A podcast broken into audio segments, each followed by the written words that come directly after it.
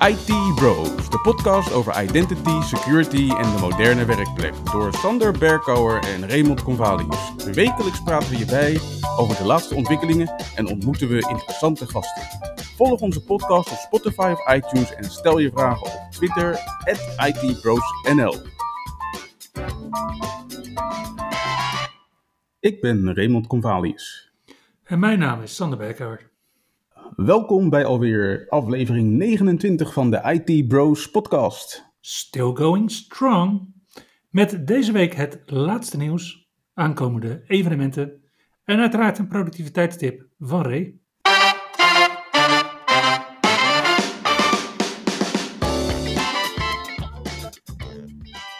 Deze week was het dan zover. De dag die je wist dat komen zou. Internet Explorer 11 lijkt deze week definitief de nek omgedraaid, want de services van Microsoft 365 worden niet meer ondersteund en dat geldt ook voor Google Meet. Dus als je toch nog Internet Explorer 11 wil gebruiken, ja, hou er rekening mee dat je last krijgt van een uh, verminderde gebruikerservaring, dat uh, services het mogelijk niet meer gaat doen, dat je getrakteerd wordt op vage foutmeldingen. En ja, dat je misschien, heel misschien nog iets kan gebruiken, maar dat je dan ja, gewoon ja, de mindere treatment krijgt. Val jij even met de deur in huis uh, deze podcast? Ik dacht wel. Ik vind het, uh, ik, vind het, ik vind het wel weer een. Uh, ik vind dat je het wel weer heel zwartgallig brengt, trouwens. Want er zijn ook twee uitzonderingen. Namelijk, als je Outlook Web App gebruikt voor je Outlook, dan ga je inderdaad de Outlook Web App Lite ervaring, de schrale ervaring, ervaren. Als je dat met een persoonlijk Microsoft account doet, een uh, zogeheten MSA. Maar doe je dat met een altijd hip Azure AD account, dan houd je gewoon de volledige ervaring in je Internet Explorer. Dus als je nog op de WIP zat, dan is dit wel misschien het moment. En in SharePoint is er een kleine feature die wel werkt in Internet Explorer, maar die nog nooit heeft gewerkt in welke Microsoft Edge dan ook. En die feature die heet namelijk Open with Explorer of View with File Explorer. En die feature blijft werken in Internet Explorer. Als je dus Internet Explorer gebruikt om naar SharePoint te gaan. Microsoft geeft wel aan dat ze die feature niet langer onderhouden. Ik hoop, ik hoop toch echt voor die mensen die nu nog Internet Explorer 11 gebruiken, dat ze er heel binnenkort afscheid van gaan nemen. Ja, dat hoop ik ook. Maar ik weet niet of dat aan hun is. Ik denk dat er zat organisaties zijn, zat omgevingen, zat situaties waarin een organisatie nog niet kan. Ik denk dat jij ze ook wel kan bedenken. Dat een organisatie niet van Internet Explorer 11 af kan? Ja. Omdat ze zulke oude apparatuur gebruiken dat ze niet Edge kunnen installeren? Bijvoorbeeld, ja. Of dat het uh, kioskapparaten zijn die uh, als dienst worden afgenomen bij een leverancier. Of uh, dat het zulke dichtgetikte machines zijn die bij sommige bedrijven op de gang staan. Dat als je even wil internetten, dat je dan vijf minuten op de gang gaat. Ja, dat zijn toch situaties waar het niet zo heel makkelijk is om Internet Explorer er zomaar uit te zetten. Nee, maar goed, ze hebben het nu toch al alle tijd gehad volgens mij om er wat aan te gaan doen. Ik denk dat we binnenkort getrakteerd worden op statistieken waar we uit kon concluderen dat het toch niet zo makkelijk is. Volgens mij houdt uh, Ron af en toe dat soort uh, statistieken tegen het licht. Het een goede om daar binnenkort eens even met Ron op terug te komen. Ja, het is niet alleen maar slecht nieuws als we het over deadlines hebben, want ook GitHub kende deze week een deadline. Namelijk de deadline waarin zij wachtwoorden afschaften. En die deadline die was 13 augustus. En ja, dat betekent niet dat je nu niet meer gewoon met je wachtwoordje kunt aanmelden op, uh, op de website. Dat kan nog steeds wel. Op het moment dat je een git operation wil uitvoeren, dus bijvoorbeeld een git clone of een git commit, of misschien zelfs wel, if you like to live dangerously, een git push Mhm. of pull, ehm, ja, dan moet je nu wel echt wat beter gaan authenticeren. Dan moet je nu inderdaad je multifactor authentication geregistreerd hebben en gaan uitvoeren. Nou, GitHub heeft daar enorm veel mogelijkheden voor, want je kunt namelijk gewoon een beveiligingssleutel gebruiken, zoals een YubiKey of een eh, virtual security key die je krijgt met bijvoorbeeld Windows Hello of Touch ID of Face ID. Je kunt uiteraard ook de Authenticator app gebruiken om zo'n time-based one-time password, zo'n TOTP, te typen. En je kunt natuurlijk gebruik maken van het oude vertrouwde sms-bericht om je een TOTP te sturen. Nou, het laatste dat wordt afgeraden. En die beveiligingssleutels, zoals uh, inderdaad een YubiKey, daar is GitHub toch wel echt fan van, geloof ik. Mhm. Want ze hebben nu zelfs een nieuwe feature aangekondigd als je een security key gebruikt. Je kunt namelijk nu je git commit digitaal ondertekenen. Super gaaf. En om dat luister bij te zetten, kun je een YubiKey bestellen met een GitHub logo erop. Oh, sexy. Altijd leuk. Ja, en als we dat toch hebben over uh, wachtwoorden. Apple gaat de iCloud-app ook aanbieden als wachtwoordbeheerder voor Windows. Ah. Dus niet meer alleen op je Apple-apparaten, maar dus nu ook de iCloud Keychain geschikt voor Windows. En dat is wel vanaf versie 12.5 van de iCloud-app. Nou ja, hierbij krijg je dus uh, mogelijkheden om uh, aanpassingen te maken in je wachtwoorden na de authenticatie met bijvoorbeeld Windows Hello. Je wachtwoorden worden gesynchroniseerd via de iCloud naar je Apple-apparaten. En uh, je krijgt uiteraard een Chrome-extensie voor het beheer van je iCloud wachtwoorden. Die, die was trouwens al een tijdje, maar die wordt nu ook ondersteund voor Microsoft Edge. En dan zien we toch dat LastPass een behoorlijk gat heeft achtergelaten in april. ja. Toen ze inderdaad zeiden van we gaan nog maar één platform ondersteunen. Ja, wat je nu ziet is dat uh, dat gat werd in eerste instantie met name door de browsers ingevuld. Chrome en Edge, om maar even wat te noemen. Mm -hmm. Je ziet dus dat nu iCloud hier ook uh, in springt. Ik denk niet dat ze heel gelukkig zijn geweest achteraf gezien met die stap bij uh, LastPass. Daar hebben ze ook een hoop kritiek op gehad. En als we het dan toch hebben over wachtwoorden, volgens mij uh, heeft Microsoft nog wel het een en ander aan huiswerk te doen als het gaat om Windows 365 en de security daarvan. Oh ja, ja omdat ze nog steeds alleen maar Hybrid Azure AD Join ondersteunen bedoel je? Dat niet alleen, ik bedoel, oh. uh, Credential Guard staat dus niet aan in Windows 365. Met als gevolg dat ja, onze welbekende auteur van Mimikatz, Benjamin Delpy, inderdaad uh, helemaal los is gegaan op Windows 365. En erachter kwam uh, dat hij dus niet alleen uh, ja, bepaalde secrets naar boven kon halen uit Windows 365, maar dat hij ook gebruik kon maken van een vulnerability die hij onlangs heeft ontdekt in de terminal server component van Windows. Waarmee die dus in staat is om gewoon clear text wachtwoorden uit Windows 365 naar boven te trekken. En dat zijn dan dus Azure AD wachtwoorden. Inderdaad. Pijnlijk verhaal. En ik denk dat Microsoft uh, ja, nog het nodige te doen heeft om zeg maar ook uh, dingen als Credential Guard gewoon standaard aan te gaan zetten in Windows 365. Ja, het zijn de type features die allemaal die TPM-chip nodig hebben. En ja, dat zorgt er dus ook voor dat Microsoft misschien wel een uitdaging heeft om Windows 11 daadwerkelijk uit te gaan rollen als cloud PC. Ja, het staat ongetwijfeld op de roadmap. Ja, en als we het toch hebben over Windows 11. Afgelopen week kwam er uiteraard weer, nou ja, kwam er gelukkig weer een nieuwe build uit van Windows 11. Deze keer build 22.132. Deze keer niet met veel bugs. Althans, ik heb ze niet ondervonden, de nieuwe bugs. Hey, heb je eindelijk een keer gewoon vloeiende in-place upgrades gehad op allebei je machines? Smooth, gewoon vlekkeloos. Allebei de machines in één keer. Zonder gekke foutmeldingen. Ah, heerlijk. Er waren wel een paar leuke nieuwigheidjes in Windows 11. Zo werd de Teams client in Windows 11 onderhanden genomen. Die wordt steeds beter. Ik noem hem voor, de, voor het gemak maar even uh, Teams for Friends and Family. Want het is een Teams versie die alleen geschikt is voor je Microsoft account. Ho, ho. Friends don't let friends use Teams. Ja, ik vind het ver gaan hoor, Ray.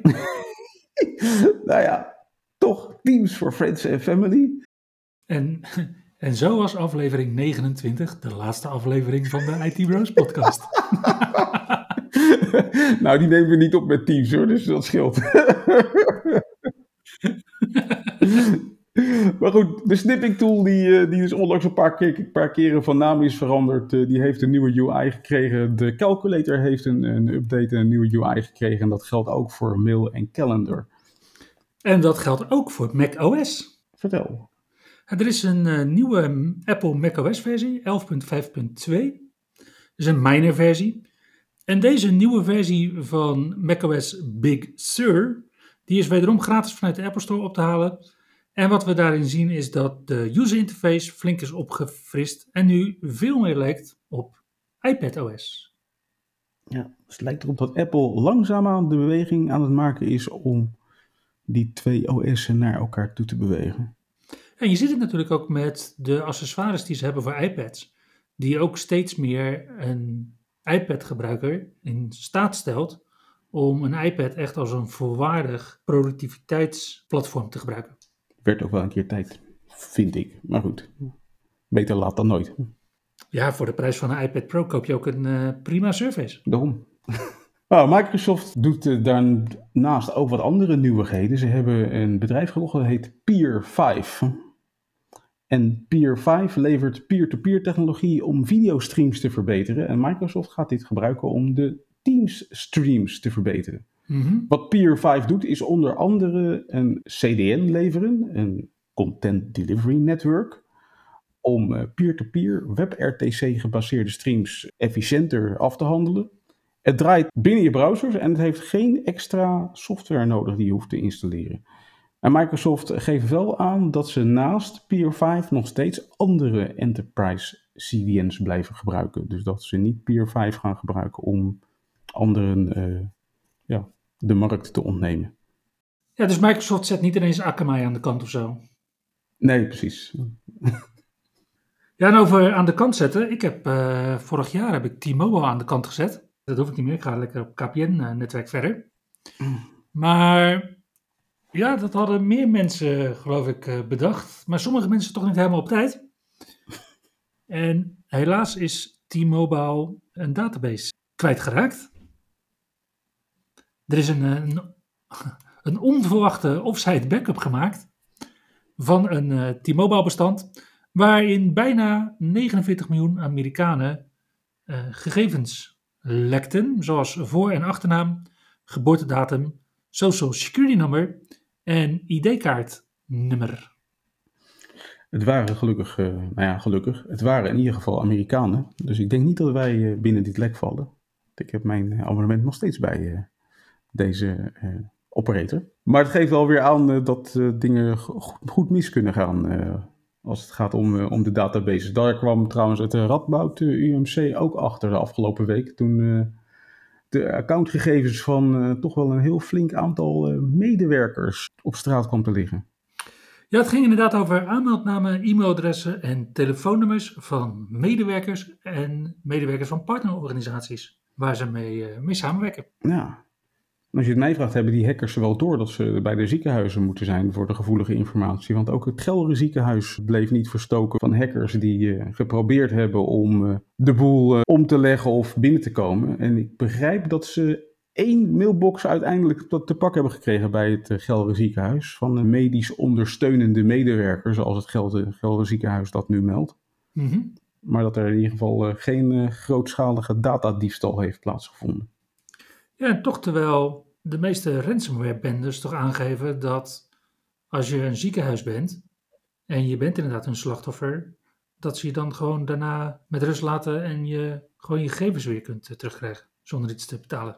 Ja, maar ik kan me voorstellen dat die gegevens vervolgens toch wel weer wat waard zijn op de zwarte markt. Zeker. Ja, net als de lijst van de 1,9 miljoen terreurverdachten die van de week gelekt werd. Dus als je wil weten of jij op die lijst stond, dan is dit het moment. Ja, dan mag je eerst inderdaad een uh, behoorlijk groot bestand gaan downloaden. Want er staan behoorlijk wat uh, persoonsgegevens in. En dan kan je dat inderdaad gaan checken. Wat mij vooral opviel is de grootte van het bestand.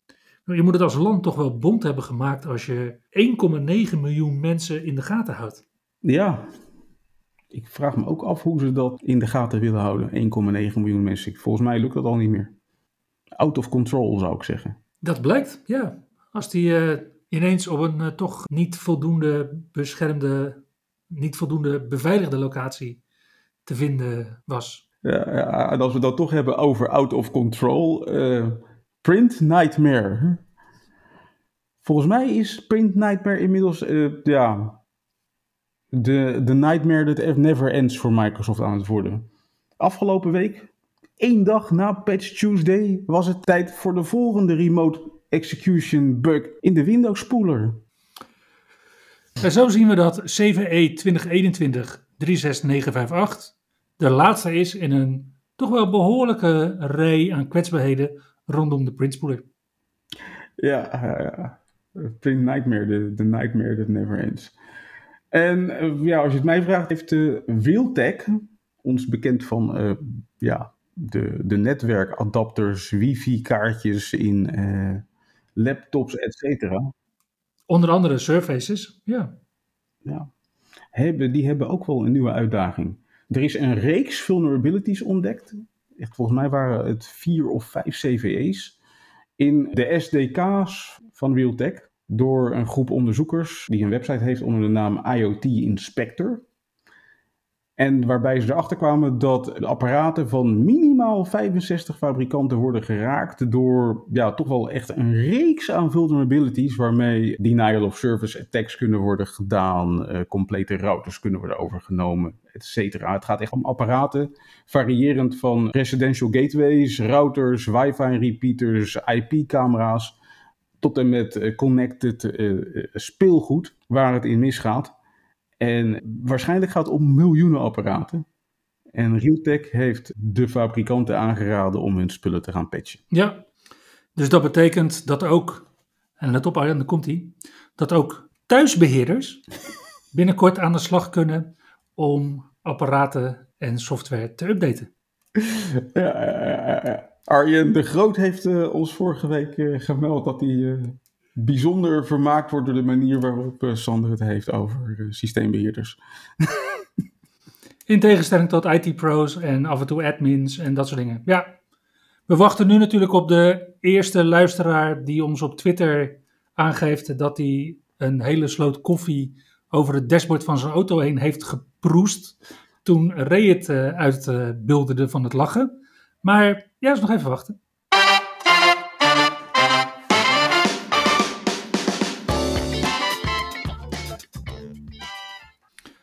Langzaamaan zien we dat er meer evenementen op de kalender staan. Het seizoen komt er weer aan, het speaker season van de tweede helft. Ik zie daar ook alweer wat fysieke evenementen, maar vooral ook uh, virtuele evenementen. En de komende week zien we een aantal webinars. En het eerste webinar, waarvan ik denk dat jullie dat wel interessant vinden, is een Azure Security Public webinar en het gaat over Better Together tussen Azure Security Center en Defender for Endpoints. Dit webinar vindt plaats op 26 augustus tussen 8 uur s ochtends en 9 uur s ochtends. Ja, oké, in de VS. Dus zij moeten vroeg in bed uit. Maar voor ons betekent dat vanwege 9 uur tijdverschil dat je inderdaad vanaf 5 uur s middags net na je werkdag, misschien net in de auto, kan aanschuiven. En over aanschuiven, ook op 26 augustus. Je kan gelijk door met de MC2MC-avond. Dat is een avond die wordt georganiseerd door de Belgische Microsoft Cloud and Client Management User Group. Vandaar die MC. Die beginnen om kwart voor zeven en gaan door tot tien uur. En wat je daar vindt zijn drie sessies van twee Microsoft-medewerkers en een MVP. Je vindt een sessie over Windows 10 met Cloud Analytics van Panu Sauko, een MVP uit Finland. Een sessie over GitHub en hoe je die kan gebruiken voor een podcast of blog. Nou, hadden we dat geweten, dan hadden we dat misschien wel eerder gedaan. Wie weet. Door Chris Reddington van Microsoft. En uiteraard onze eigen Nederlander Christian Brinkhoff, die heeft een sessie over what's next in end-user computing met Windows 365. Uiteraard, Christian is Mr. Windows 365 tegenwoordig. Aan het einde van de maand kunnen we helemaal losgaan met de Workplace Ninja Virtual Summit. Oftewel 31 augustus tot en met 2 september. Vanaf 1 uur middags tot 8 uur s avonds krijgen we drie dagen lang een gratis virtueel evenement met meer dan 80 sessies van diverse Microsoft-medewerkers en MVP's. En we kunnen helemaal losgaan op MEM en Azure AD. Daarnaast is er ook nog op diezelfde data bijna, namelijk op 1 en 2 september, is er die Experts Conference. En daar heeft uh, Sander ook vorige week wat over verteld. Voorheen was het de Directory Experts Conference. Deze conferentie begint ochtends om half tien tot uh, drie uur s middags, maar wel Eastern Time, dus zes uur tijdsverschil. En uh, omdat, ja, dit was, dit was ooit een heel grote conferentie die in de loop van de jaren wat kleiner is geworden. Maar de hoofdsponsor Quest is terug, dus Tech is terug. En uh, die Experts Conference heeft uiteraard een focus op Microsoft 365 en Azure AD. Het is echt kiezen hoor, dus voor mij in ieder geval tussen die twee evenementen.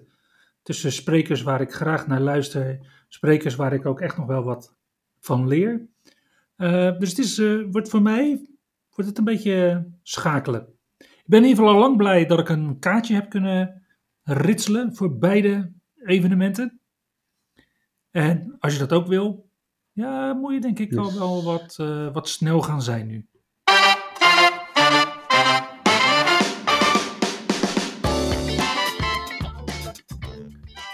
Hey Ray, wat is de productiviteitstip deze week? Nou, deze week uh, ga ik het hebben over een feature eigenlijk uit Office. Namelijk als jij bullet lists aanmaakt in uh, Word, uh, OneNote of PowerPoint bijvoorbeeld, dan kan je dus heel eenvoudig de volgorde van je items in je bullet list uh, veranderen. Niet door wat ik altijd heb gedaan, een regel te knippen en te plakken naar boven of naar beneden te brengen. Nee, je gaat gewoon met je cursor ergens in een regel staan van je bullet list en je gebruikt Alt-Shift-Up of Alt-Shift-Down om het betreffende item naar boven of naar beneden te brengen in dat lijstje. En je kan het ook gewoon doen met meerdere items in een lijstje. Dus je kan meerdere items selecteren in een lijstje en vervolgens met Alt-Shift-Up of Alt-Shift-Down die meerdere items naar boven of naar beneden verplaatsen in je lijstje. Ja, dat is natuurlijk super handig, maar ik heb altijd geleerd dat als je een lijstje maakt met argumenten, dat je altijd maar maximaal twee argumenten moet noemen. Voor argumenten is het denk ik uh, niet zo nuttig. Maar als je inderdaad de features uh, opsomt van, nou, noemen Windows 365, noemen Azure AD Connect. Ja, dan denk ik dat je behoorlijk lange lijstjes hebt. Ja.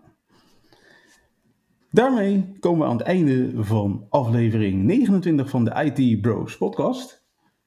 Hopelijk heb je er weer wat van opgestoken en hopelijk zien we je volgende week weer terug. Yes, dankjewel en doei doei. Je luisterde naar IT Bros, de wekelijkse podcast over identity, security en de moderne werkplek. Abonneer je op Spotify, iTunes of Google Podcast als je de volgende aflevering niet wilt missen. Heb je hints of tips? Laat dan van je horen op Twitter. @itbrosnl